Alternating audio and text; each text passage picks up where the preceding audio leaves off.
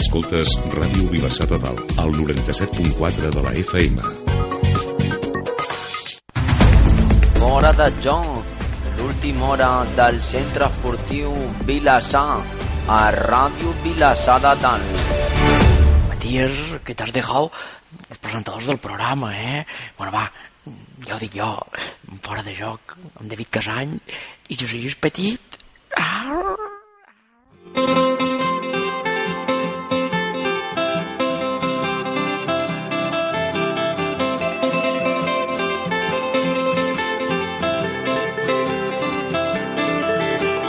Hola, què tal? Bona tarda, benvinguts al Fora de Joc número 273. És el tercer programa d'aquesta temporada.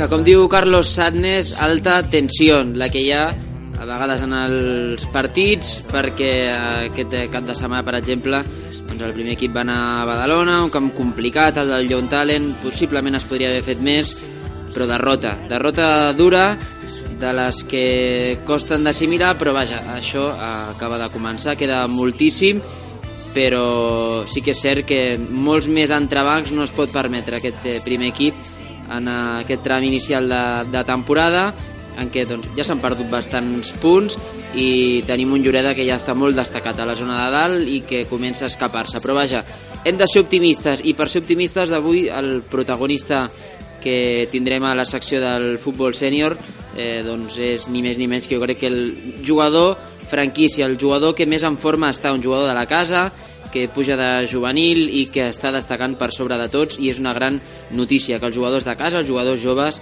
eh, destaquin quan eh, pugen al primer equip i bé, ara en un segon sortint de dubtes i sabreu qui és aquest jugador amb el que analitzarem aquesta derrota del primer equip i amb qui també serem optimistes de cara al futur i de cara al proper partit contra el Llavaneres. A tot això també eh, avui parlant de protagonistes, un altre aquí, si teniu Instagram i ens esteu escoltant ara en directe, són les 7 i 21 eh, a Ràdio Vilassar a dalt, eh, doncs si entreu a Instagram i veieu l'últim history veureu amb qui estic. No dic res, eh, en uns segons també sortiu de dubtes perquè ens saludarà en antena, però m'ha fet molta il·lusió que avui estigui per aquí perquè ja sap que el CEP és casa seva i el fora de joc encara més. Nosaltres comencem un nou programa per analitzar tota l'actualitat verd i blanca. Som i CEP, són del CEP. Benvinguts, família. A veces cuesta hasta distinguir.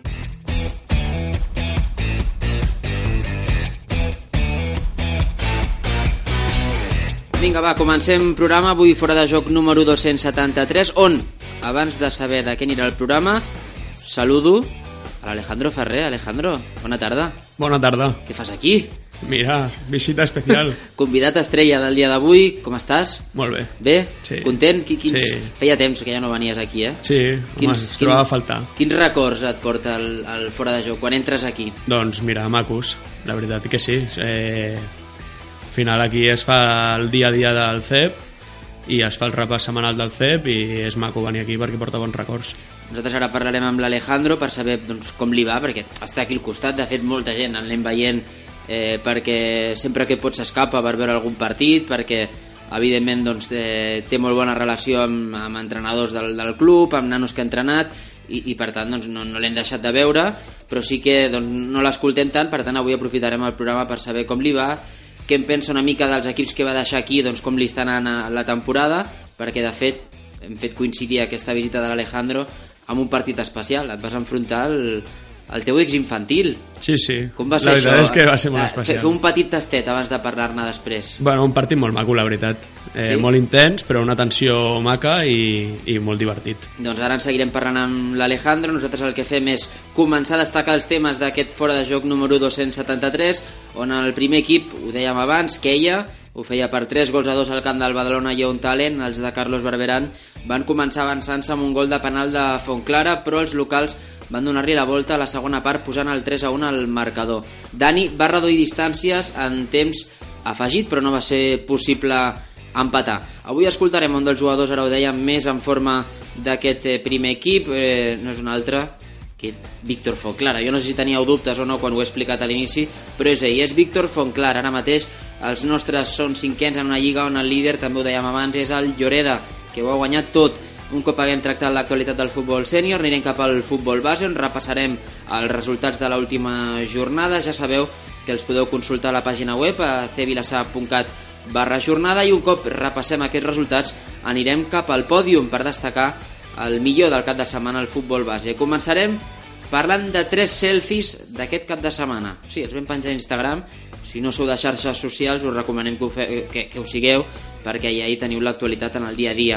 Tres selfies, el del cadet A, el cadet B i l'infantil B. Tres grans resultats, tres equips que guanyaven, tres equips que eren protagonistes a les xarxes. Analitzarem doncs, el triomf del cadet al camp de l'Aquatel, 2 a 4, la victòria del cadet B enfront del Cirera 1 a 3 i la victòria també de l'infantil B 1 a 2 al camp del Can Ru i un pòdium on també parlarem del bon moment del grup Alevi B. Ho farem parlant amb jugadors i entrenador de l'Alevi B. Els nostres alevins guanyaven 7 a 3 al Cardedeu. En parlem amb Giorgio, Guiu i Héctor. Al pòdium el tancarem parlant de Benjamins en aquest cas amb el grup Benjamins AB millors sensacions, això sí, pel Benjamí A malgrat perdre i bons resultats pel Benjamí B que ja acumula dues victòries seguides. En parlem amb Roberto, Nilsson i Walid. I per tancar el programa recuperem Extra Podium, avui per parlar també amb l'Alejandro Ferrer, que ara l'escoltau. En FIFA Mania, aquí comencem, un nou fora de joc. Te'l perdràs?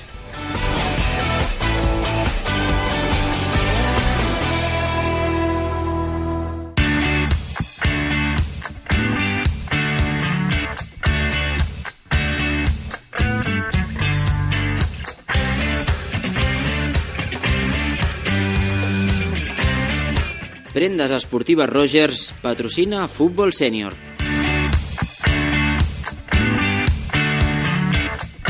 Vinga, comencem programa. Ràpidament ho fem parlant del primer equip, que queia 3 a 2 al camp del Badalona Lleon Talent. Un gol inicial de Fontclara no era suficient per eh, rascar alguna coseta d'aquell camp, tot i que és la millor manera de començar un partit a Badalona, començar guanyant ben aviat, però el seu gol no, no va acabar valent perquè abans de la mitja part ens van empatar al començar la represa es van posar per davant després van marcar el 3 a 1 i quan ja no quedava res Dani va posar el 3 a 2 per tant derrota al camp del Badalona. Ara, ara l'analitzem eh, parlant amb Víctor Fontclara. Abans però fem un repàs a la classificació d'aquest grup quart de tercera catalana on el Lloreda, ho dèiem abans, és líder amb 27 punts.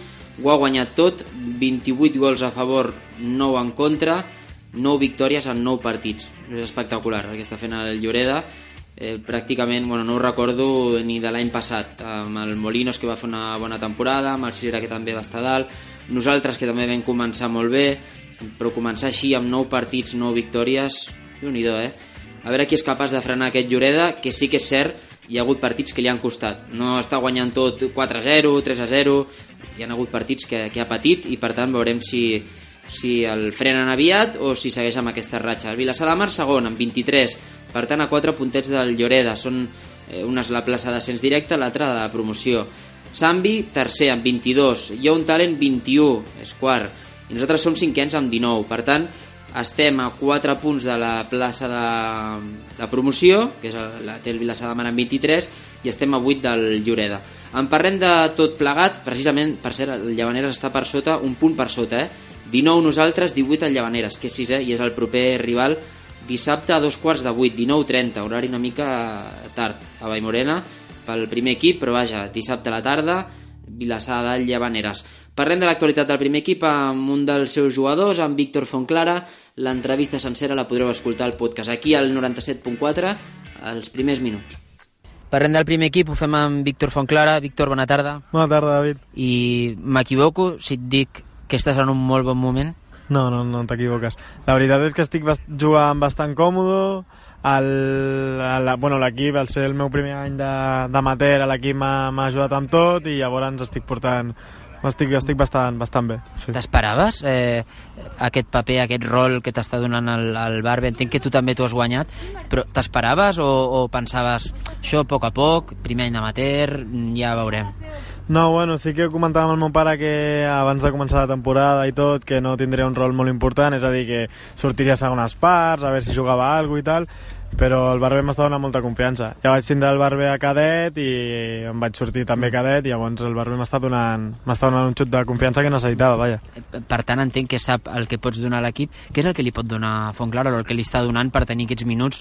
Què creus que se t'està donant bé o quins són els punts més positius que els estàs donant a l'equip?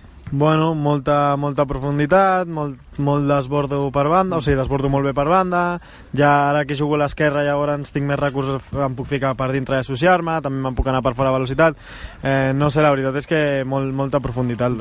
I t'està utilitzant sempre en banda, eh? No, eh? O també en una altra posició, no sé si també has jugat de lateral, si també pots jugar en, en punta, eh, és on t'estàs sentint més còmode jugant a, a l'extrem, a, la, a la banda? Bueno, vaig començar la temporada de lateral, ja que es va lesionar l'Ariza i tal, i llavors em va utilitzar en el lateral dret, i em va provar, bueno, jo sempre he jugat d'extrem, al Barça sempre he jugat d'extrem, i em va provar a l'esquerra un partit i vaig, vaig jugar bastant bé i des d'aquell partit no, no m'ha tret de la banda esquerra. Però tu ets esquerrà? No, no, jo soc de... Jo soc de... Això, això, per anar entre nosaltres, això és una putada, no per tu, perquè clar, desbordes, arribes a línia de fons i, i, i què fas? Has de seguir entrant cap a dins, eh, amb l'exterior centres, perquè l'esquerra, que com la portes? No, no, una pata de palo, no, no em serveix ni per pujar autobús, l'esquerra fatal. Però bueno, intento o me la fico o me la perfilo que va dintre i centrar o si no centro amb l'exterior, amb, amb el que pugui, menys amb l'esquerra, que eh, tela. Bueno, un- una manera de, de sobreviure a això és anar cap a dins i xutar, ja ho vas fer el camp del júnior, per exemple, mar marcant un gol, no? anant una mica cap a dins en diagonal i, i xutant. Eh, quin és el tipus de jugada que t'agrada més eh, per fer de, des de la banda? No, bueno, eh, sempre me la tiren llarga, llarga en, en velocitat perquè sóc un, un jugador un jugador bastant ràpid. I si no també m'agrada rebre el peu i buscar-me-les per dintre. Eh, tinc, no sé, m'agrada fotre-li des de fora l'àrea la veritat no tinc molt bon xut, eh, però m'agrada sempre fotre-li des de fora l'àrea o associar-me per dintre sí. Ara, ara has parlat de que et falta xut, falta esquerra. Qui- Quines cosetes creus que durant aquest any en què se t'apretarà més per, per al míster, per la categoria, primer any d'amateur, eh, per jugar doncs, eh, contra rivals durs, de més edat? Eh, què creus que pots millorar durant aquesta temporada o què és el que t'agradaria millorar a final d'any, a final de temporada, dir, mira, doncs he millorat en això, això i això altre?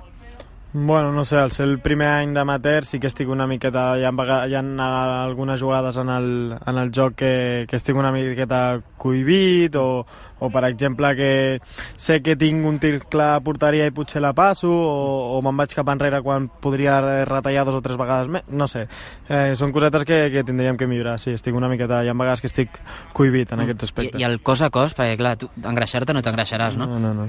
Bueno, res, pues, El intentar... fideo font clara.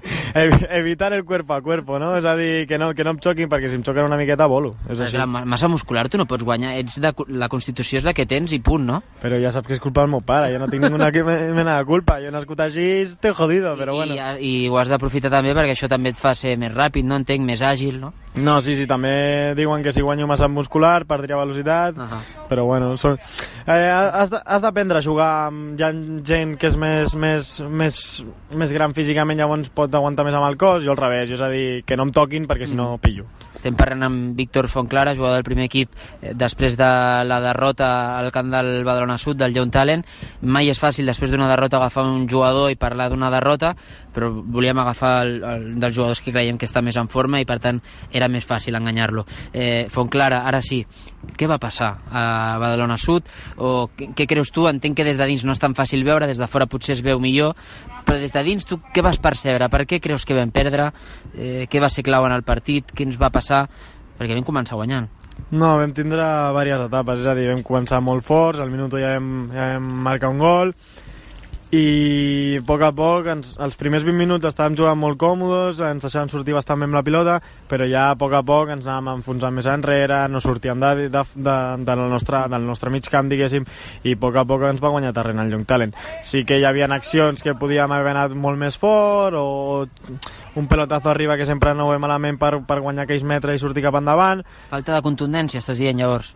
Sí, però falta contundència no només a la part de darrere, és a dir, si els davanters, o sigui, si nosaltres com a davanters no apretem el que hem d'apretar, els mitjcentres eh, no van a les segones jugades, llavors els defenses i els centrals van de cul. I és a dir, si no una pilota dividida ja no vas fort i a l'altre et guanya terreny, pues és el que, és el que toca, vas de cul tot el partit. I en, en quin moment, clar, ens empaten abans del descans, eh, ens marquen només començar la segona part, en quin moment penses, ah, cau, mena, avui em sembla que, que no guanyarem, eh, que avui això no pinta bé.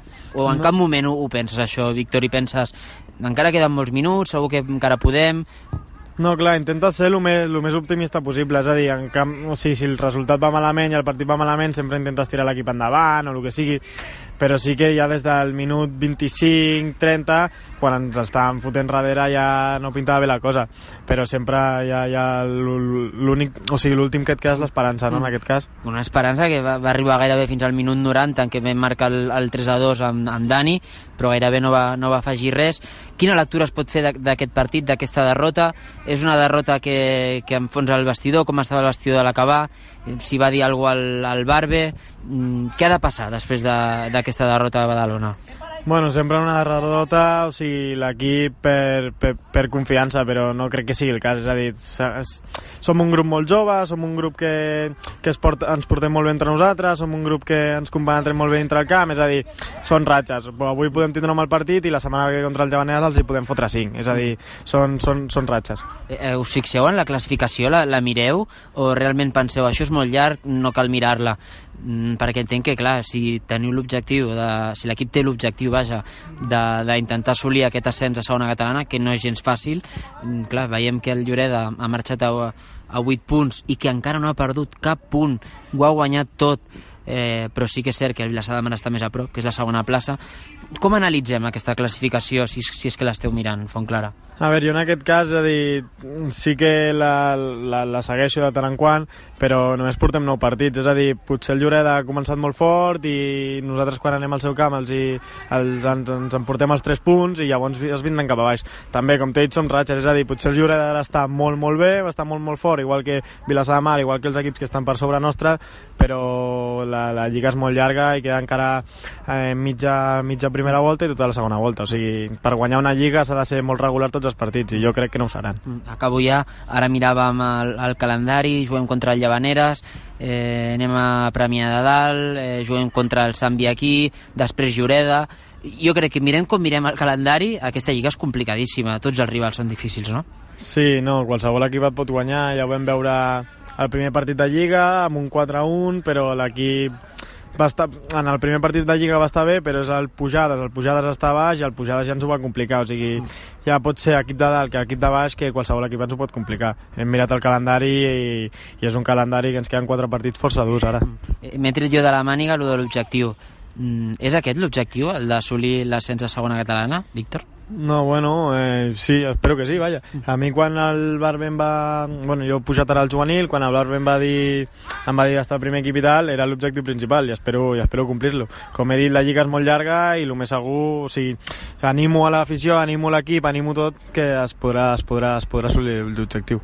Per assolir-lo, què ha de fer l'equip? Quin, quin, quina creus que serà la clau d'aquesta temporada, ara que ja portem un temps de, de Lliga, que ja has vist una mica els rivals, ja has vist de què és capaç la plantilla en la que estàs, mm, què ha de fer l'equip per, per intentar tenir opcions? ser molt regular, és a dir, aquestes pujades i baixades que estem tenint ara, és a dir, no podem perdre contra equips de baix i contra equips de mitja taula alta no ens podem relaxar. Eh, ser molt més contundents, eh, anar tots a una, sé que l'equip ho aconseguirà perquè ja com t'he dit és un grup molt maco, però, però això, ser molt regulars, el que queda de Lliga. Mm, I l'última, a nivell personal, tu què et demanes d'aquí a final de, de temporada? Què és el que t'agradaria en aquesta temporada a nivell personal? No sé si seguir així, si ara que portes 3 gols, doncs mira, marcar-ne 18, no sé, què és el que, què és el que t'agradaria a nivell personal? No, ajudar l'equip. És a dir, si puc ajudar amb gols, ajudarem gols, si puc ajudar amb assistències, ajudarem assistències. O sigui, tal com ara estic jugant, a l'equip crec que li va molt bé i vull seguir així per, perquè l'equip vagi cap a dalt, Tant òbviament. de bo sigui així, Fontclara, enhorabona per aquest gran inici. Merci, David. Que vagi bé.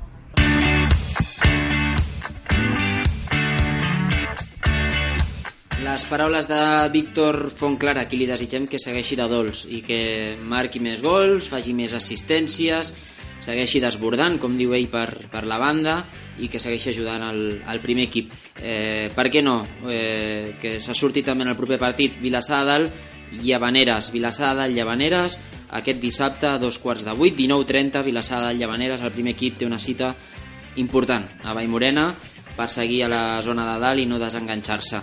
Nosaltres el que fem és anar cap al futbol base, anem a repassar resultats, va. Doncs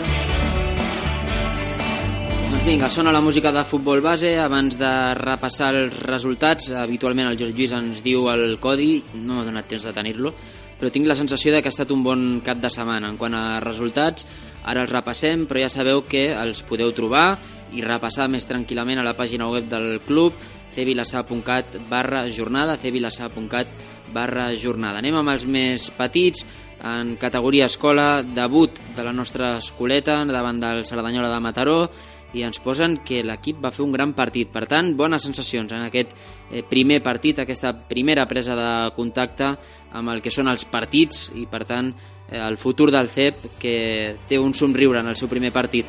El prebenjamí C, ai, ai, ai, l'equip sap que podria haver jugat un millor partit. Eh, va jugar contra l'Espanyol, no era fàcil, contra l'escola de l'Espanyol. Eh, cara contenta, en canvi, cara de que l'equip ha fet un gran equip, ai, un gran partit, el prebenjamí B davant del Premià, i en canvi que sap que ha de millorar? El prebenjamia, que jugava al camp del Masnou. Anem ara amb Benjamins, el Benjamí F descansava, el Benjamí D queia 0-7 davant del Santa Susana, el Benjamí C guanyava 1-4 al camp del Sambi, 6-1 victòria també davant del Sambi, en aquest cas del Benjamí B, derrota 8-0 del Benjamí al camp de l'Adam, en categoria Leví 7-2 victòria de la Leví H davant del Masnou Atlètic, en el cas de la Leví G victòria per la mínima 4-5 al camp dels Salesians, 5-3 queia al camp del Canet la Leví F, 1-2 perdia la Leví E davant del Cerdanyola de Mataró, la Leví D eh, queia també 1-3 davant del Canovelles, el, la Leví C empatava 3-3 al camp de l'Horta, la Leví B s'imposava 7-3 al Cardedeu i finalment victòria contundent 0-10 de la Levia al camp del Mataró. Deixem el futbol 7 per anar cap al futbol 11, eh, l'infantil E queia 1 a 4 contra el Cardedeu, 12 a 0 derrota dura de l'infantil D al camp del Cinera, 3 a 1 derrota també de l'infantil C al camp del Sistrells, 1 a 2 s'imposava l'infantil B al camp del Can Rull, l'infantil A guanyava 3 a 2 al Masnou Atlètic, en categoria cadet el cadet C queia precisament també contra aquest equip, al camp del Masnou Atlètic per 2 a 0, 3 a 1 victòria del cadet B davant del Cirera, el cadet A victòria important 2 a 4 al camp de l'Aquahotel i acabem amb juvenils, victòria primera de la temporada i important del juvenil B 4 a 3 davant del Rubí. I finalment també, en aquest cas empat, perdó, del juvenil A al camp de la Juventus. 1 a 1 empatava el juvenil A. Anem a donar premis, anem cap al pòdium, va.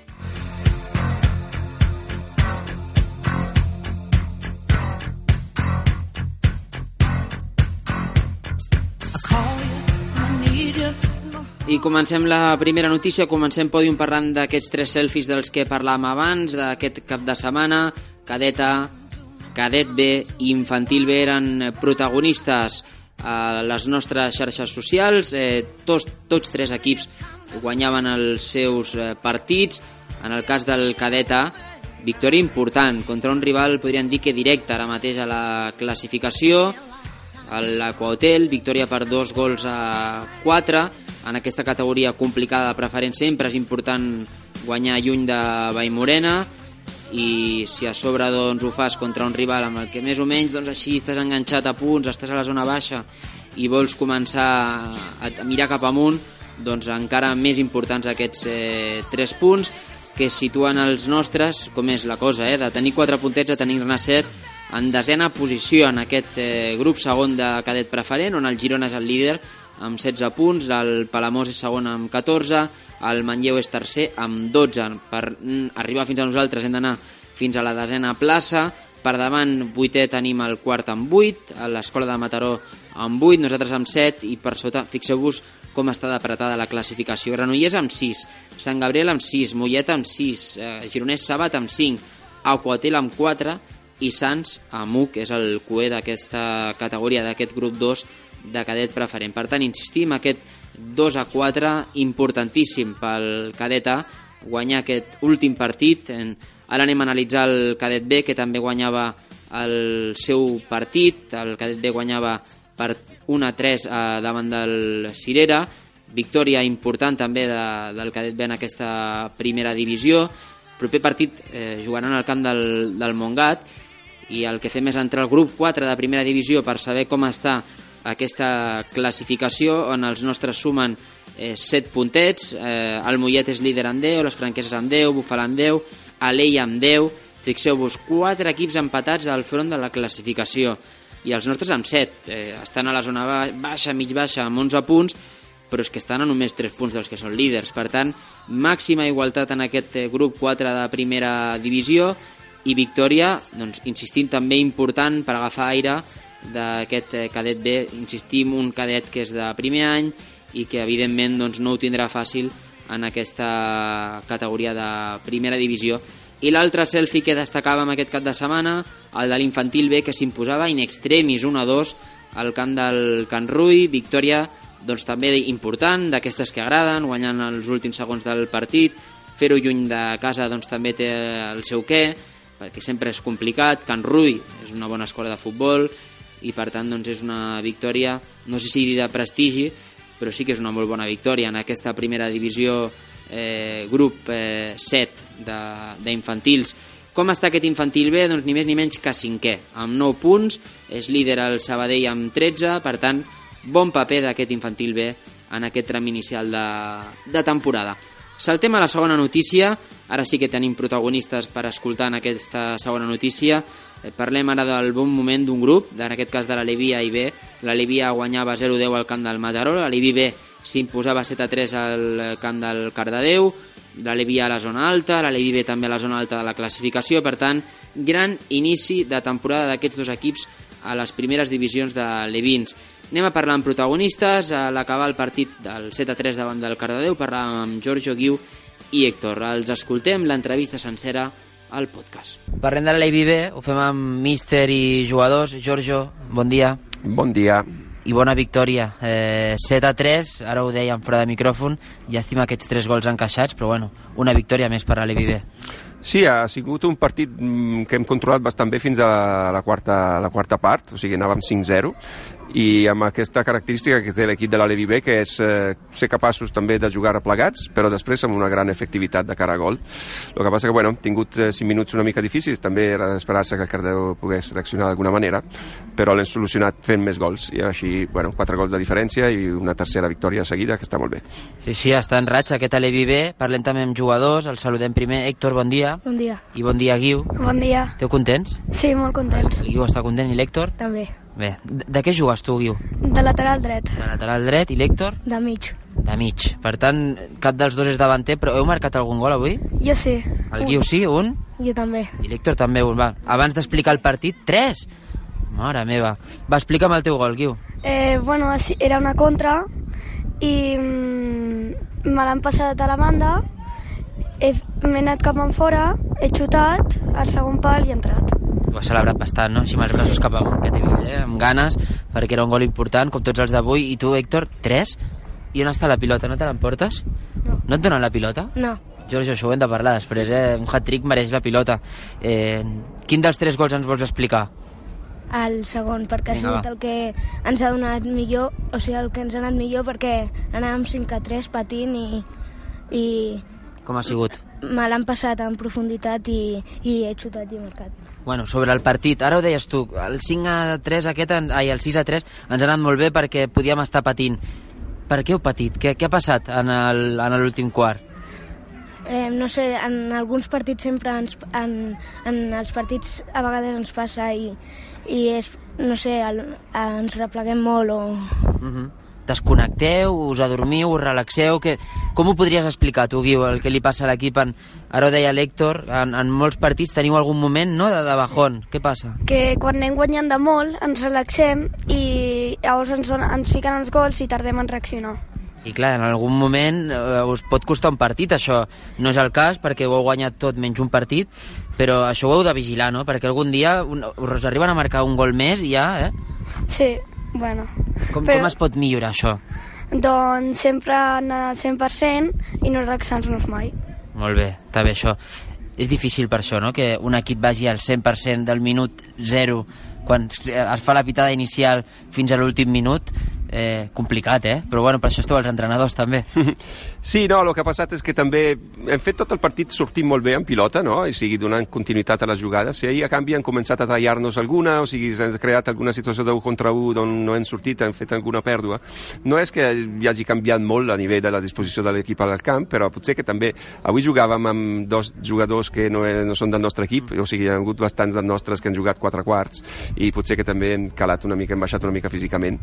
Mm, però, bueno, jo crec que també és l'equip que encara pot necessitar de poder tindre una mica més de control del partit mitjançant la possessió, no? Nosaltres hem, som molt directes amb aquests i ahir potser una àrea de millora, no? Però, però amb l'actitud que tenen ho aconseguirem segurament. Tenint en compte que és a l'Evi Primera Divisió, que és una, una categoria complicada, eh, patíeu per aquest partit tenint en compte les baixes que teníeu, que havíeu de portar jugadors que no eren de l'equip? Era un partit molt difícil avui eh, i heu guanyat bé. Sí, exacte, o sigui, jo l'operaria de l'altre costat, o sigui, ens hem, estem acostumat molt bé aquí, que amb dos equips a primera i els dos mos com, competim molt bé, eh, mm, tot i les baixes, no? però bueno, estan sent molt, eh, molt solvents aquests eh, de, de, de, de la LVB mm. i sí, la lliga es posa molt interessant, o sigui, estem, estem a un punt de, de, de líders i, i amb una bona, una bona continuïtat de resultats. Sí, perquè eh, us esperàveu aquesta bona ratxa, Héctor? Eh, com estan en aquesta lliga en què realment esteu a dalt, esteu enganxats als que, al, al líder, només heu perdut un partit, que ara et preguntaré per aquest partit, per què va passar a Manlleu, però us esperàveu això? Bueno, sabíem que farem una bona temporada entre els 7 o 8 primers, però... Eh, o sigui, hem, estem molt a dalt ara mateix perquè hem guanyat 3, 4 partits seguits Sí. i estem en bona ratxa. I us agrada estar allà dalt? Sí. Guiu, per què creus que està l'equip a dalt? Què, què és el que t'està agradant de l'equip? Per què mereix l'equip estar a la zona alta de la classificació? Està lluitant per, per què no? Per apretar el líder, per estar a dalt, per seguir allà. Eh, perquè tenim molta efectivitat a dalt i quan hi ha una contra correm com avions. Toma, ja, són avions. Aquest Alibi B és un avió. Tu què en penses, Héctor? Per què creus que l'equip està a dalt? Què és el que t'està agradant? pues, el, el que ha dit el Guiu, que, que a vegades no encaixem, no encaixem, tot i que hi ha trams del partit que ens costa, i quan la robem o sortim jugant o, o correm com a avions. I a tu, eh, Giorgio, què és el que t'està agradant? Què destacaries d'aquest Alibi B en aquest inici de temporada en què tu mateix, i ara ho estàvem dient, s'ha de reconèixer que costa molt aquesta categoria i que el que estan fent no és fàcil, que ja portem un mes i alguna de competició i que estan obtenint molt bons resultats. Què és el que t'està agradant i per què aquests bons resultats? Bueno, és un equip que té jugadors amb molta versatilitat, no? O sigui, avui ha sigut un exemple. Faltaven dos peces importants, però hem, hem canviat alguna posició d'algun jugador i ho han fet com si haguessin jugat ahir de tota la vida. I, i també s'ha de, de remarcar que és un equip que té molts gols. Ja portem dues setmanes seguides fent set gols, eh, a més gols tots de jugada, no? O sigui, no és que marquem de falta o de córner, no? El que arribem de jugada i tal, i això és una gran, gran avantatge de cara, de cara a la Lliga. Jo est- estic molt positiu de cara a ells perquè crec que en el moment en què es convencin de la qualitat que tenen, el fet que estem a primera, sí, és una lliga exigent, però la podem, la podem fer molt bé. Que- Amb quin objectiu encara aquesta temporada a l'Alibi B? Eh, entenc que el bloc Alibi A i B és un bloc eh, doncs, eh, de qualitat, amb, amb ganes i amb, i amb optimisme ja des de l'inici per intentar fer una gran campanya, però en el cas de l'Alibi B, quin, quin és l'objectiu competitiu de la temporada? No, era, el, el, el, sempre diem l'objectiu mínim és, és conservar la categoria, no patir, o sigui, fem una lliga on no tenim aquesta pressió que a vegades amb aquesta edat sobra una mica, no? I a, i a canvi, bueno, si tenim aquesta ratxa ho farem, i després sempre, per resumir una mica el que és l'objectiu d'una temporada d'un grup de dos alevins, és arribar al final havent hem creat un equip que serà un infantil l'any que ve amb tots els equilibris i els jugadors i jo crec que és una de les millors eh, manades diguéssim, que tenim aquí al Vilassar que és de, Per tant, de 2008 Tindrem un bon infantil, eh, amb aquests. segurament, segurament, segurament, segurament. No hi ha dubte. Eh, quin objectiu teniu vosaltres, va, aquesta temporada? Anem amb el Guiu primer, que li estem fent sempre les preguntes a l'Hèctor. Quin, quin objectiu tens tu a nivell d'equip? Què vols que faci l'equip i què vols fer tu? A nivell de creixement com a jugador, què t'agradaria millorar o què vols aconseguir? Eh, M'agradaria que l'equip acabés entre els tres primers i fins i tot pujar. Oh, Déu-n'hi-do, eh? Pujar vol dir preferent, eh? Sí. I què més, va? I tu a nivell personal? Doncs millorar una miqueta el seu contraús Uh -huh. i... mm, Bueno, això. Bueno, està bé, millorar el seu contra ús per tenir desequilibri. Tu has dit que jugues de lateral dret. Sí. Què és, què és el que et demanen els entrenadors? Què has de fer en un partit al lateral dret? Diu. Eh, doncs en defensa haig d'estar entre el, el central i el lateral per ajudar més al central si hi ha algun error o alguna cosa. I en atac, bueno, mm, pujar i els rebots. Perfecte. Objectius de la temporada, Héctor, ara canvio de tema, després et pregunto per la teva posició, què et demanen. Objectius teus i de l'equip. El, el de l'equip, el mateix que el Guiu, quedar entre els 5-3 primers, seria l'objectiu de l'equip, i personal, millorar la, la cama no dominant. Bueno, està molt bé això, eh? perquè després, a mesura que van passant els anys, és més difícil. Eh, què et demanen a tu? Què has de fer a la teva posició? Pues, eh, no sortir de zona i dos toques, o sigui, no, no conduir molt. Què vol dir el tac-tac, que diu el Lluís? Perquè no para de dir tac-tac en tot el partit. Doncs un, eh, un paret, o O sigui, sigui, una ràpid, paret. no? Sí. O sigui, tocar ràpid, vale. És que volia sortir de dubtes. Què en dius d'aquests dos jugadors? Ja anem acabant l'entrevista. Què en dius de l'Héctor, què en dius del Guiu, míster?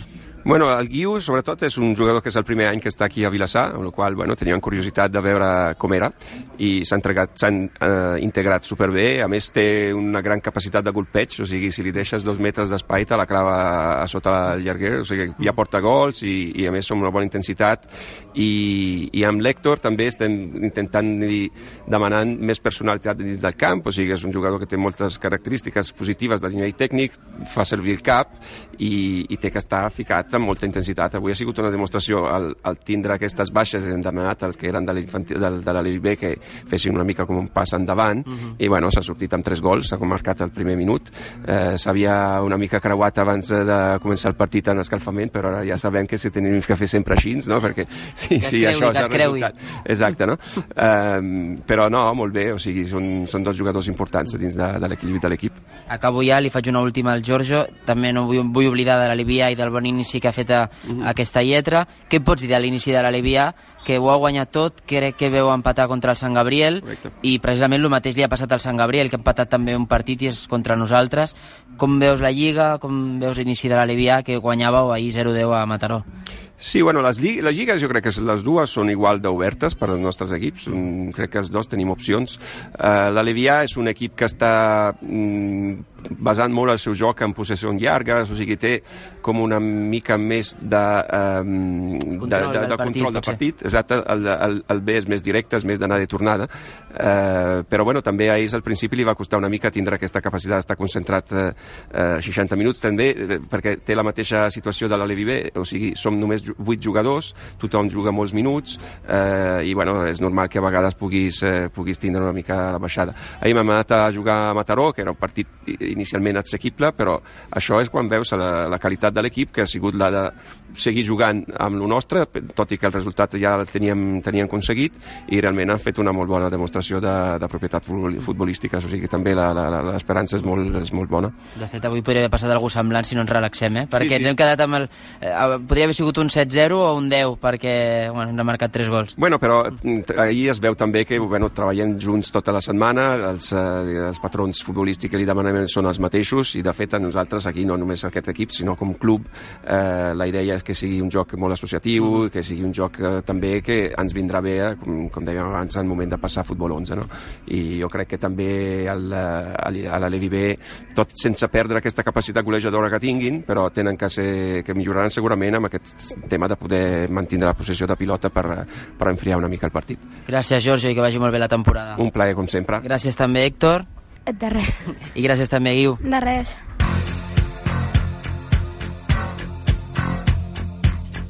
Doncs, eh, gran cap de setmana per a aquest grup de Levins i que torni a ser aquest proper cap de setmana amb partits eh, sempre macos en aquestes primeres divisions de Levins, amb la Levi B que insistim és quart eh, amb 12 punts, a només un puntet del Mercantil, que és el líder, per tant, compta amb aquest gran inici de la Levi B, ho deia el Giorgio a l'entrevista, i som molt optimistes, evidentment queda molta temporada, hi haurà bajons, hi haurà mals moments, però hem d'aprofitar eh, aquesta embranzida inicial que ha agafat la Levi B i que evidentment doncs, li dona aquest protagonisme en aquest eh, tercer pòdium de la temporada. I la Levia és líder amb 13 punts, però si bé és cert, mm, semblant a aquella primera divisió que comentàvem abans de cadets, en què hi havia molts líders, doncs mireu, Vilassada, el 13 punts líder.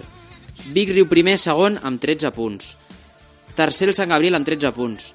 Quart el Sant Cugat amb 13 punts. Quatre equips amb els mateixos punts compartint aquest eh, coliderat. Per tant, eh, molt apretada també aquesta classificació, després molts equips també amb 9 punts, amb 6, eh, ja sabem que és difícil, però que el repte està allà. A veure si la Levià també fa una bona temporada i, i tenim opcions d'estar a dalt durant tot el curs. Ja ho vam estar l'any passat per poc, per ben poc, per dos detalls, dos partits, eh, no vam tenir opcions. Al, al final en aquella lliga de, on també estava el Vic, on també estava el Mataró, eh, i vaja, al final el, el Vic va guanyar la, la Lliga. Anem ara cap a la última de les eh, notícies, a la tercera. Acabem parlant de Benjamins, del grup Benjamí A i B, un grup que a priori, eh, escoltant l'altre dia també el Modesto, som conscients de la dificultat que tindran al davant aquesta temporada amb les categories, uns preferent, els altres a primera, però volem aprofitar que venim d'un bon cap de setmana, sí, el Benjamí aquell a 8 a 0 el camp de l'Adam, però si analitzes el, el, el partit, a la mitja part perdíem només 2 a 0, havent tingut ocasions molt clares per marcar, ens està faltant aquest gol. I, i sí que és cert que a les segones parts ens costa més perquè hi ha rivals molt intensos en aquesta Benjamí preferent i és on fem el bajón i és on hem de, de millorar possiblement a les segones parts però vaja, ens quedem amb aquesta primera part al camp de l'Adam, ara en parlem amb protagonistes, i el Benjamí B, que ja acumula dues victòries seguides, en un inici complicat de Lliga, doncs acumular ja dos triomfs és important per agafar confiança, i en parlem de tot plegat en la prèvia d'un partidàs, perquè aquest dissabte a un quart de dues, a les 13.15, a Vallmorena tenim un Vilassada del Barça, Vilassada del Barça amb Benjamí preferent, parlem de tot plegat, d'aquest partidàs, de com estan en aquesta temporada amb el míster, amb el Roberto, qui ens parla d'una nova iniciativa, es diu el jugador de la setmana, eh, ens explica, i també dos jugadors, dos cracs, el Nilsson i el Walid. Eh, L'entrevista sencera a aquests cracs la podeu escoltar al podcast. I tot per parlar de Benjamins, en aquest cas el doble grup Benjamí A B, fem amb el míster, amb el Roberto. Roberto, bon dia. Hola, bon dia. Com estàs? Bé, bé, molt bé, acabant l'entrenament. Bueno, bon dia, bona tarda. Bona tarda. Uh, saps, què, saps què? Ara que entrem en aquesta discussió, es pot dir bon dia durant tot Durant el dia. tot el dia. Sí, perquè desitges, Va. desitges que sigui un bon dia, però no, tens raó. Més aviat és bona tarda al fora de joc, així que fem un reset i li desitgem bona tarda al Roberto i, i també li diem, estàs content, no?, perquè m'has dit que avui han fet un entreno espectacular. Sí, molt content per l'entrenament, però sobretot perquè és el primer dia que tenim els dos equips sencers. Hem tingut dos nanos que han estat un temps sense venir per diferents motius i per fi avui, per primer dia de la temporada, teníem a tots. Fins a quin punt és important el fet de gaudir de, de tota la plantilla des del primer fins l'últim, des de l'últim fins al primer? Tots a l'entreno.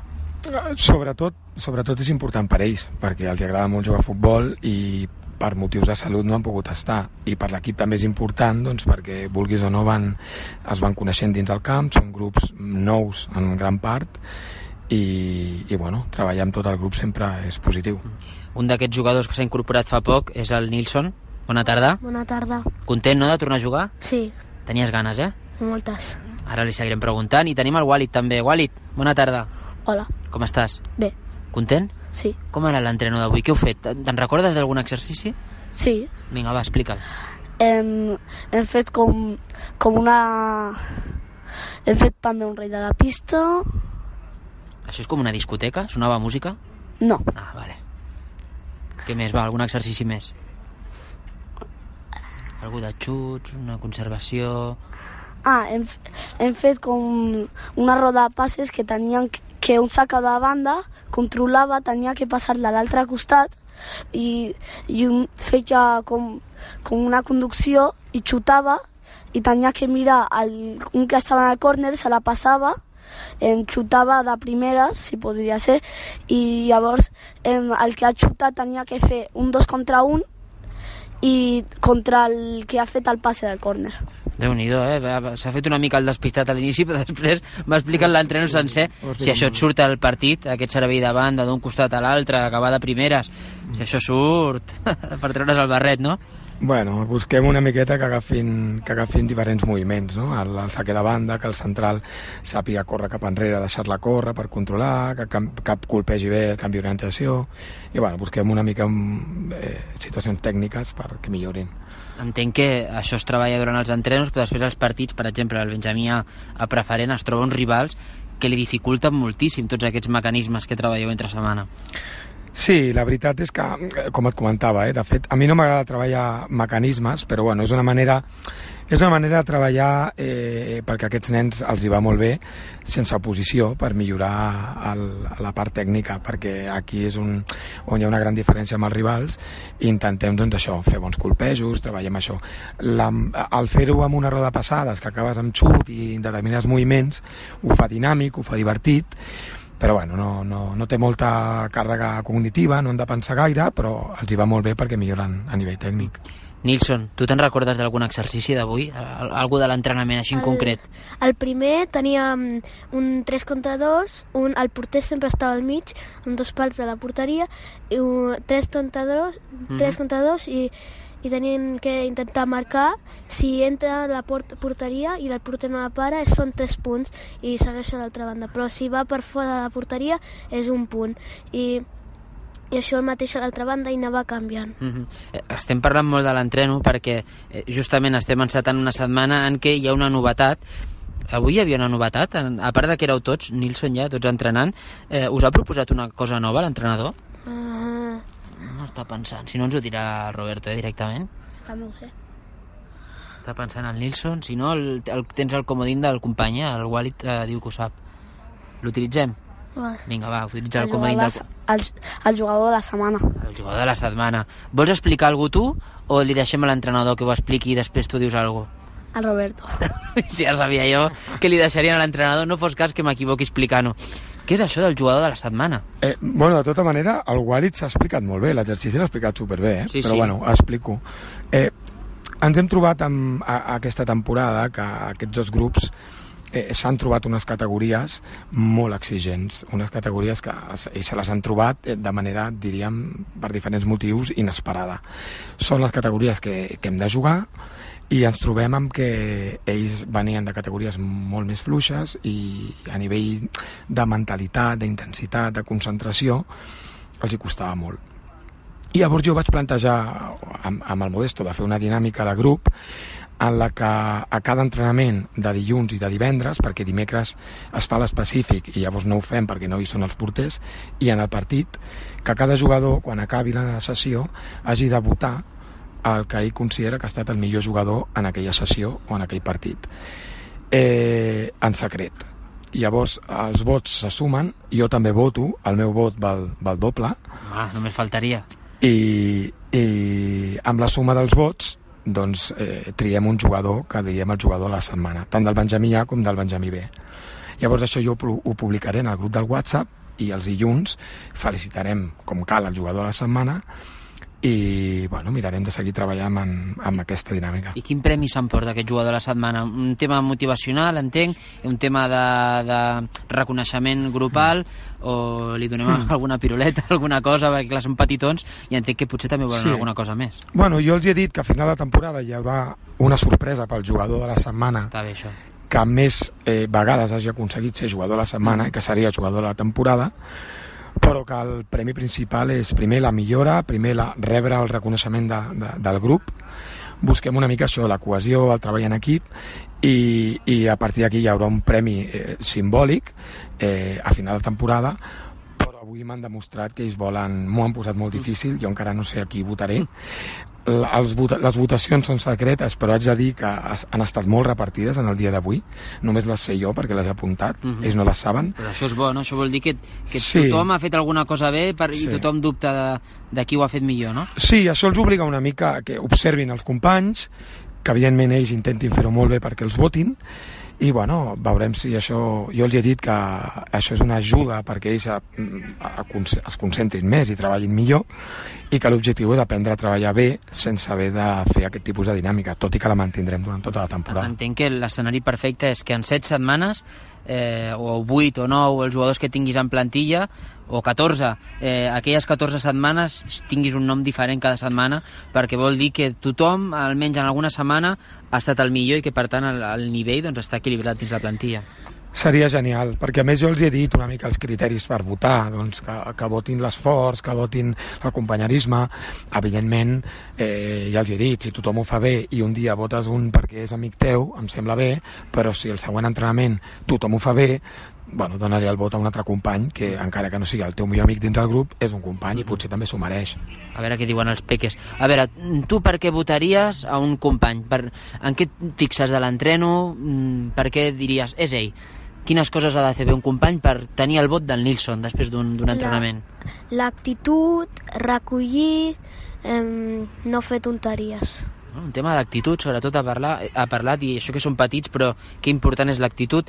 I el Walid, en què, en què es fixaria d'un company? Per dir, mira, va, et voto a tu perquè has fet això, això, això, això bé. El companyerisme, eh, l'actitud, eh, el, la recollida Uh -huh. I I si fa... I a nivell de joc, què és el que t'agrada d'un jugador? A nivell de joc, de que faci bons passes, bons gols, que defensi molt bé i uf, que no, no passi ningú d'allà. Tot. Que és, que és, tot. Sí. Però si, si hi ha alguna cosa, mira, Està atent. està atent, també un tema sobretot d'actitud. Tu què és el que més valores eh, en, en, en un jugador, a hores d'ara, en categoria Benjamí? Si hi ha un aspecte, que sé que n'hi ha molts d'un jugador a valorar, hi ha moltíssims, si n'hi ha un, quin, quin és el Si que més valores ara mateix? Si hi ha un que valoro és, és la intensitat. Eh, Entenent la intensitat com la capacitat d'atenció, la capacitat de canviar el rol defensa-atac, eh, entenent això com a intensitat, no, no, no, no córrer, sinó ser, estar, estar sempre eh, atent i concentrat. A més és el que més costa en aquestes edats i especialment en aquests grups que són una mica particulars en aquest sentit. Mhm. Pel que fa a l'actualitat, anem encetant ja el, el tram final d'entrevista. Eh, Parlem d'aquest últim cap de setmana, eh, segona victòria consecutiva del Benjamí B, en aquest cas davant del Sambi. Walid, què tal? bé, Com va anar el partit? mm, Quines, molt bé. quines coses veu fer bé per, per guanyar? Per què veu mereixer guanyar el Sambi? Eh, per l'actitud que vam tindre, no ens, no ens vam em rendir quan van fer algun gol o quan ens quan vam fer algú malament Uh -huh. i uns errors que també havien fet i que era el primer gol que van fer bueno, i l'únic va ser un error nostre Tu vas marcar algun gol? sí, Quants? tres Tres, hat-trick de Walid. Te'n recordes d'algun d'aquests gols? Ens el pots explicar? Fes memòria, va. l'últim Vinga, l'últim, va, explica'l. que el, que el llacin de defensa va controlar, es va posar bé la pilota, va fer un pas, un passe llarg i jo estava un contra un amb, la, amb el porter i vaig marcar. Què ens explica el míster d'aquest jugador, del Walid, del seu hat-trick, de la victòria, d'aquesta bona ratxa de dos partits seguits que segur que li va molt bé al grup, eh, el fet de, de sumar. Què ens pots dir una mica de tot plegat, Roberto?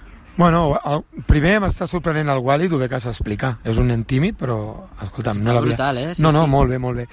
Eh, el Walid en particular està millorant molt, perquè és un nen que, que li costava ser intens, adaptar-se una mica a la categoria, i ara ho fa molt bé. Utilitza molt bé el cos, té, el colpeig sempre, sempre és bo, i, i, i bueno, és un malson per, per les defenses contràries. I a nivell de grup, és un grup que està millorant molt en quant a actitud, li costava molt concentrar-se, ja es van concentrant més, van entenent la importància de mantenir el màxim de minuts que puguin la capacitat d'atenció i quan ho aconseguim, bueno, tenim les nostres armes i les, les, les aprofitem. Fins a quin punt t'ajuda el fet d'haver sumat dos caps de setmana seguits, Roberto, en aquesta gestió de, de vestidor, d'equip, de, de, d'equip, de grup, en una temporada que, que ja es veu, que es preveu que serà complicada per les categories? Bé, jo penso, jo, la veritat és que el grup del Benjamí B mm, penso que a nivell de competició és un equip que, que competirà molt. Dels partits que portem hem guanyat dos, però dels altres tres, dos els hem pogut guanyar, els hem pogut guanyar, eh, i un altre no. D'aquests dos que hem pogut guanyar ha sigut una qüestió de, de desconnexió quan estiguin més, més mm, atents eh, i com deia, més minuts al partit atents, no se'ns escaparan aquests punts i crec que competiran. Mm, per tant, pinta bé pel Benjamí B. I el Benjamí A jugava al camp de la... De la VIP. De la DAM, no? De, dam, dam. De la DAM, això mateix. Eh, com va anar? Perquè sé que a la mitja part només estaven perdent, crec que 2-0, no, Nilsson? Sí. Com va anar el partit? Van- Què m'expliques? La primera part ens van guanyar 1-0, a la segona també 1-0 i a la tercera, mm, no ho sé, 3 Uh -huh. i la última 3. Per tant, ens van marcar molts gols a la segona part. Quina diferència hi ha entre la primera i la segona? Què és el que et va agradar? Perquè entenc que la primera part va ser potser una mica millor, o potser la segona ells van estar millor, no ho sé, ho desconec perquè no ho vaig veure. Què és el que et va agradar del partit? La primera i la segona part estaven, estaven bé i forts, estava, teníem jugades que l'hem fallat, com jo tenia una, que, que volia xutar i no podia, o sigui, no volia, volia seguir, i, des, i després a la ter tercera i quarta i, i ja estàvem cansats i, i estàvem, no sé... Crec que ho ha explicat bastant bé, eh? Per, Sí, eh, perquè el Roberto, eh, parlant fora de micròfon també amb ell, eh, va parlar d'ocasions eh, errades, cosa que l'Adam no falla, i també un Adam que, clar, que té un ritme que fa que també els nostres, doncs, al final, a poc a poc, doncs, vagi minvant aquest ritme i no, i no l'acabem d'aguantar i per això marxen al marcador, no? Jo crec que van fer el millor partit de la temporada. Eh, clar, veus el resultat 8 a 0, eh, és a camp del líder, l'Adam és un equipàs, és un equip brutal, eh, però la veritat és que és el partit on hem tingut més ocasions. Vam, tenir, vam xutar tres vegades al pal, vam tenir dos, dues vegades davant del porter, Un possible penal, que no un, xiulen. Un possible penal, un, un que jo crec que és molt clar, i l'altre més dubtós, però hi ha un que, que bueno, li fan un entrepà allà, un nen, un bocadillo allà, el, el xafen dins d'àrea, i, bueno, vam, i un, un parell de faltes. Vam tenir com vuit ocasions bastant clares, no vam fer cap gol, però bueno, vam vam tenir també mala sort. I l'Adam doncs, és un equip que, que és un superequip i els vam aguantar molt bé. Clar, la- els tenen tres opcions i fan dos gols, Uh -huh. i després el, el que deies tu, el ritme ells tenen gent que colpeja molt bé des de qualsevol posició i nosaltres el ritme ens costa molt d'aguantar però és una cosa amb la que jo ja hi conto i bueno, molt orgullós perquè el partit va ser molt bo i entenc que no hi ha res millor que fer un bon partit contra l'Adam, fixar-se en les coses bones que hem fet per repetir-ho contra el Barça. Jugueu aquesta setmana contra el Barça, que, què significa per vosaltres jugar contra el, contra el Barça? Us, us agrada? Us fa por? Us il·lusiona? Esteu nerviosos? Eh, teniu moltes ganes? M'agrada molt perquè el Barça és un equip que pot, té molta força, xuta molt bé de qualsevol part, de mig camp poden xutar molt fort per dalt Mhm. i, i tenen uns jugadors que poden fer un, un cor que el poden, tenen molta força, molta força. Un equip amb molta força, un bon equip, però et fa il·lusió jugar contra el Barça? Sí, molta. I creus que ho podem fer bé? Sí. Sí, no? Creus que, no sé, ho tindran difícil o no? Els hi posarem difícil? Sí. Clar que sí, que els hi posarem difícil. És, és un dels premis pels quals un juga preferent gaudir d'aquests moments, no? Anar a jugar al camp de la DAM, la setmana següent reps al Barça. Això, malgrat els resultats no acompanyin per detalls, és el que han de, el que han de fer és gaudir d'aquests instants, d'aquestes experiències, no? Sí, sí, és una experiència que no tots els nens poden tenir, ells tenen la sort de poder-la viure. Sabem que és un, un rival eh, boníssim del nivell de l'Adam, del nivell de l'Adam no, és, no és superior a l'Adam, però és un, és un rival que sap moure molt bé la pilota i nosaltres, bueno, mica en mica hem d'aprendre que en aquesta categoria hem d'identificar quins són els nostres punts forts i quins són els punts febles i intentar jugar senzill, alternar el joc llarg, joc curt. L'altre dia, per exemple, vam cometre molt poques errades en sortir a pilota i això és un, és un gran èxit. Doncs clar que sí, estarem molt atents a aquest proper cap de setmana. Eh, Acabo ja amb una última pregunta, que sé que m'estic enrotllant molt, ja portem més d'un quart d'hora, però és molt interessant aquesta entrevista amb Benjamins. De què jugues tu, Walid? De davanter. De davanter, no tenia dubte, clar, amb un hat-trick. I tu, Nilsson? Davanter. Davanter, dos killers tenim aquí, eh? Què ha de fer un davanter? Ho explico una mica al, Wal al Walid i després al Nilsson, vale? Què ha de fer un davanter? Què, què et demana el míster? Col·locar-se bé, arrastrar la defensa perquè hi hagi un sol Uh -huh. I també eh, molta intensitat Sí. molta intensitat perquè també és de l'equip i té que ajudar molt I marcar gols, si marques, doncs també bé, no? I també fer passes Sí senyor, mira quina contestació, eh? Jo que volia que digués, sí, sí, marcar gols és el millor i m'ha dit que, que fer passes. I tu, Nilsson, què penses d'un davanter? Em, tens que col·locar-te bé perquè si, si el defensa està allà i no té passe, el col·loques bé i te la pot passar per dalt i tens que posar el cor pel defensa perquè no et robi la pilota i fer uns passes. Bueno, doncs ha estat molt bé aquesta explicació. Roberto, us desitgem molta sort en el que resta de temporada i el que diem, estarem molt pendents d'aquest proper partit contra el Barça. Sempre ho estem tots els caps de setmana de tots els equips, però quan ve aquí el Barça, doncs és un eh, símptoma de la bona salut del futbol base, que vinguin aquí aquests equips i és un dia per gaudir-lo. Doncs sí, esperem això, que la gent gaudeixi de, del partit, de l'esforç dels nostres jugadors i del bon joc, espero, dels dos equips. Gràcies, Roberto. A tu.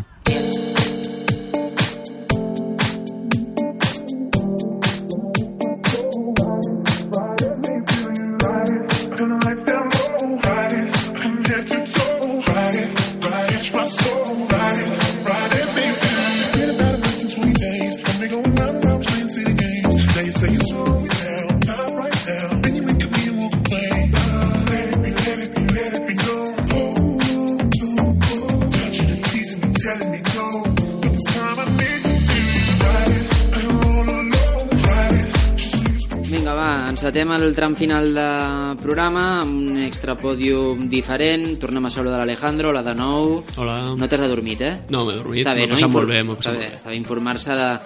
Al final et dones compte, no?, de que escoltant el fora de joc eh, t'adones de tot el que passa en un cap de setmana al Sí, sí, CEP, i no?, tant. més o menys. I tant. Escoltes a protagonistes, resultats, sensacions i... I bé, això és el que ens ha deparat aquesta última jornada al, al CEP, una jornada, ara ho parlàvem fora de micròfon, en què podríem, el CEP ha fet com una entrepà de partits, eh? El- L'Alejandro eh, ara està a l'Atlètic de Masnou amb benjamins i infantils i aquest cap de setmana jugava el teu infantil a Vallmorena i aquest proper cap de setmana juga el teu benjamí a Vallmorena. Sí, sí. Lo que és el destino. sí, Sí, sí, sí. Que ha fet que... I entremig un fora de joc. Exacte, no, perfecte, tot fet, quadrat. fet la setmana, la setmana plena i, i bé, recuperant el, el partit que abans comentàvem, aquest 3 a 2 contra l'infantil del Vilassar de Dalt, que entenc que és un dels aspirants a estar a la zona de dalt, no? El, és el que es parla en aquesta categoria quan els entrenadors d'altres equips veieu aquest, a, aquest Vilassar de Dalt. És un dels aspirants a, a estar a dalt realment? Bueno, jo crec que ho era a principi de temporada i ara se li està posant bastant de cara, a més, que a l'inici de temporada està sent molt bo, està sent ple de victòries i a Mhm. més el, a l'Argentona, que per mi era l'altre gran favorit, um, ha empatat un parell de partits i ha perdut un dels cinc que portem, o sigui, de, que portem. Per tant, ha caigut bastant. Hosti, déu nhi doncs, l'Argentona, un dels que tu creies que Sí, havia d'estar... per nivell de jugadors i tal, jo creia que era dels que havia d'estar dalt. I ha perdut, sí, sí, contra el Parets, estic veient, no? Sí, em sembla que va perdre 3 a aquesta 3 amb el setmana i havia, havia empatat un parell de setmanes més I enrere. 0-0 i 0-0 amb Cirera, ara estic veient aquests Per resultats. tant, tres partits dolents Sí, sí. Eh, que els doncs han bé. despenjat una mica. Eh, contra el Granollers, perdona, era, és que s'assembla molt l'escut a la derrota contra el Granollers, que està quart. Eh, què et sembla aquest infantil? Quan encares el, el partit contra un equip que coneixes tant, com, com el prepares? Perquè entenc que, clar, o sigui, tu fas res, eh, estaves dirigint als altres jugadors, se't va fer estrany, eh, sabia realment com se li podia fer mal a l'equip, és, és bastant curiós el cas. Bueno, sap greu dir-ho així, però sí que és veritat que planteja el partit una mica diferent. Al final coneixes els jugadors, coneixes la manera de jugar, i sí que és veritat que al final jo tinc molt clar que estem a infantils i que i que tenim nosaltres un equip per estar dalt, però tampoc per competir la Lliga, ¿vale? Mhm. eh, jo crec que per estar a mitja taula alta, quart, cinquè, sisè, un equip- seria un equip l'ideal. difícil de batre. Sí, sí que, que barallem tots els partits, però que tampoc hauria d'anar tot molt bé perquè estiguéssim lluitant la Lliga i ja amb, amb, amb dos derrotes ja està complicat, no? Però, però sí que és veritat que plantegem el partit una mica que a nivell global sabíem com havien de jugar, com jugarien i que després individualment tampoc anar a buscar les pessigolles de ningú. És a dir, mm. si sabem que hi ha un jugador que, que si el provoquem l'enfonsem del partit, això sí que tampoc ho vaig comentar perquè al final tampoc és anar a provocar ningú, són infantils i tampoc jo m'estic jugant res. Mhm. I entenc que eh, a nivell emocional mm, també et va costar aquest partit, és a dir, a- enfrontar-te amb els nanos, que jo crec que també encara els hi tens eh, l'estima de, de tot el que veu viure l'any passat, perquè us veu acomiadar bé. Eh, a nivell emocional, com, com, com, com afronta un, un entrenador un partit d'aquests? És, a Bueno, vegades dius, miro cap a un costat, no vull mirar a veure què passa. Sí. Mira, la veritat és que és un partit que que al final amb les, amb les famílies aquestes, amb, molta, amb, amb moltes d'elles, seguim tenint contacte, ens seguim veient. La setmana anterior al partit, a més, vam Mhm. coincidir, vam estar, vam estar junts, i al final hi ha una... Bueno, és, és tot molt sa, saps? És tot molt maco, molt sa, molt... Pues que amb el Saba ens picàvem, però, però rient-nos, Al final saps? afrontes un partit d'aquests amb naturalitat. Exacte, sí, sí, i, i a disfrutar-lo, perquè al final tampoc era... Mhm.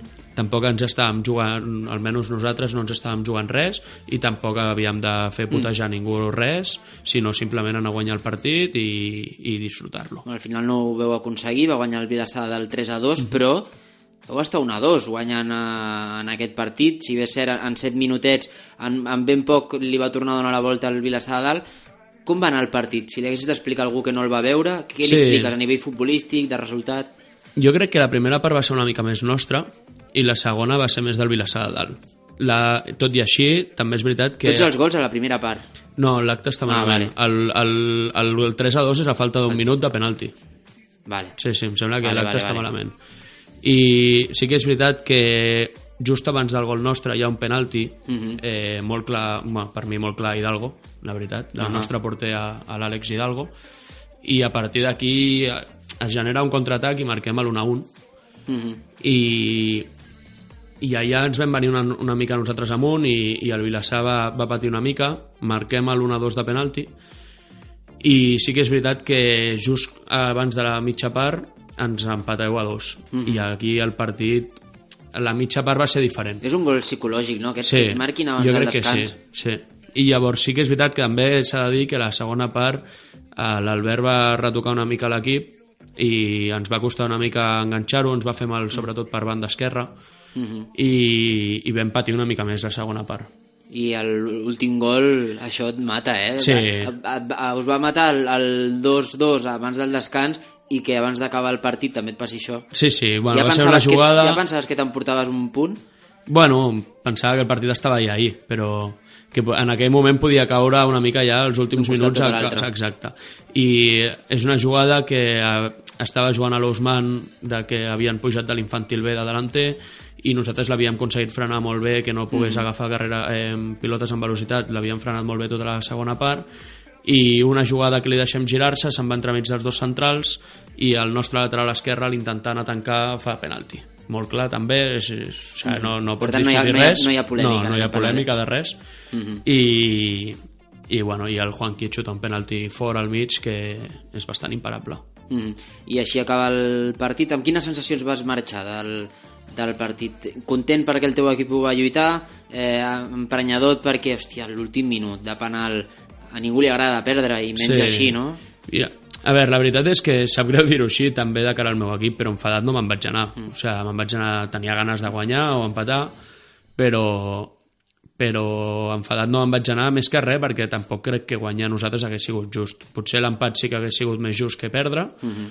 però, però bueno, al final jo crec que nosaltres vam competir molt bé, no vam poder jugar com jugàvem últimament, de que estàvem jugant molt bé en pilota, però perquè també el partit va ser de molta tensió, Mhm. tensió molt maca perquè no va ser lleig el partit, Sí. però que sí que se respirava tensió en l'ambiente Mhm. i i a partir d'aquí el partit bueno, pues, se decantó per un lado com es podia decantar per l'empat o per l'altre Els jugadors, ara deies el sàbat, va dir alguna cosa, algun jugador et va deixant alguna broma, alguna conya, algun pique... bueno, alguna broma va haver-hi Sí? però divertides Sí? Bueno, Sí. Això es queda cap a dins, no? De... sí, sí, sí. vostre això a nivell personal.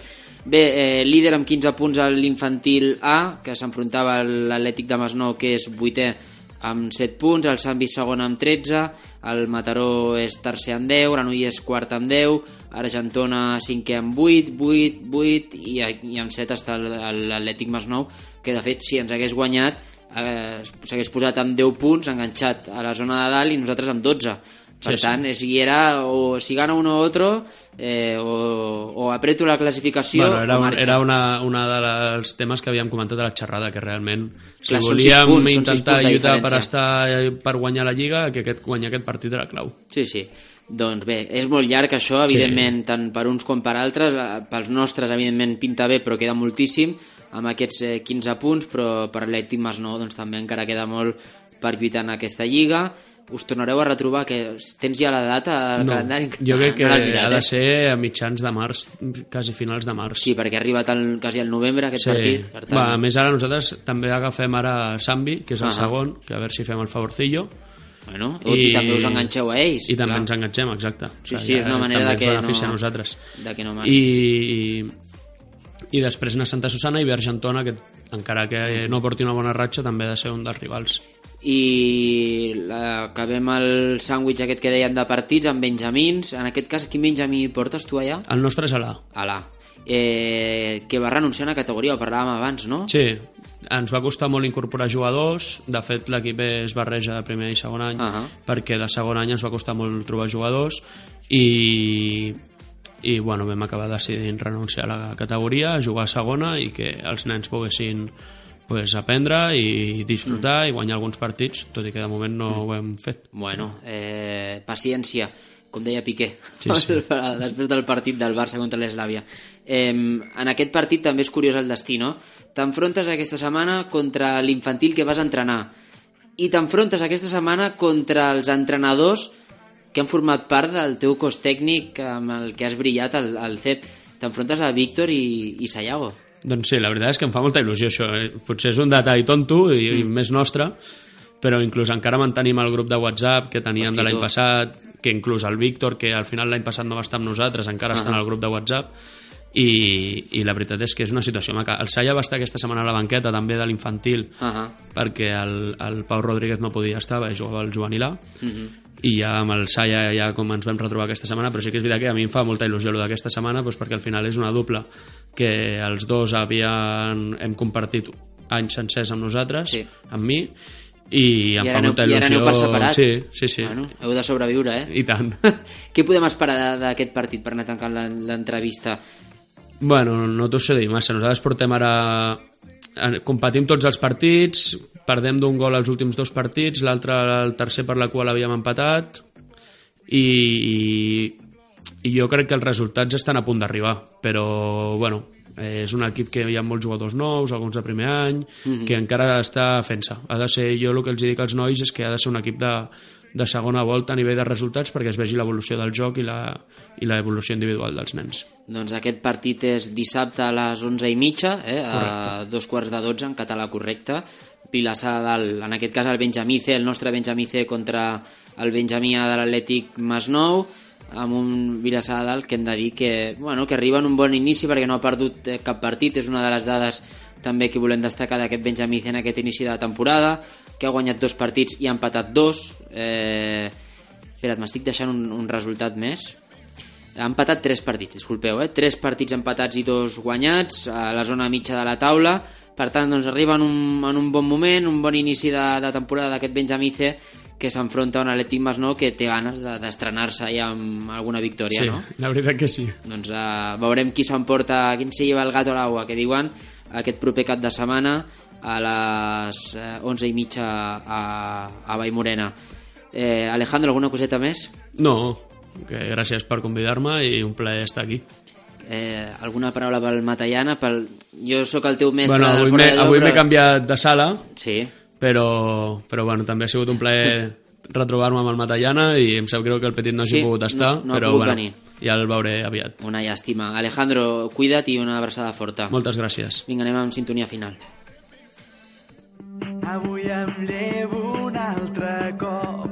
Estic content de ser qui sóc. Tenir-te a prop em fa feliç.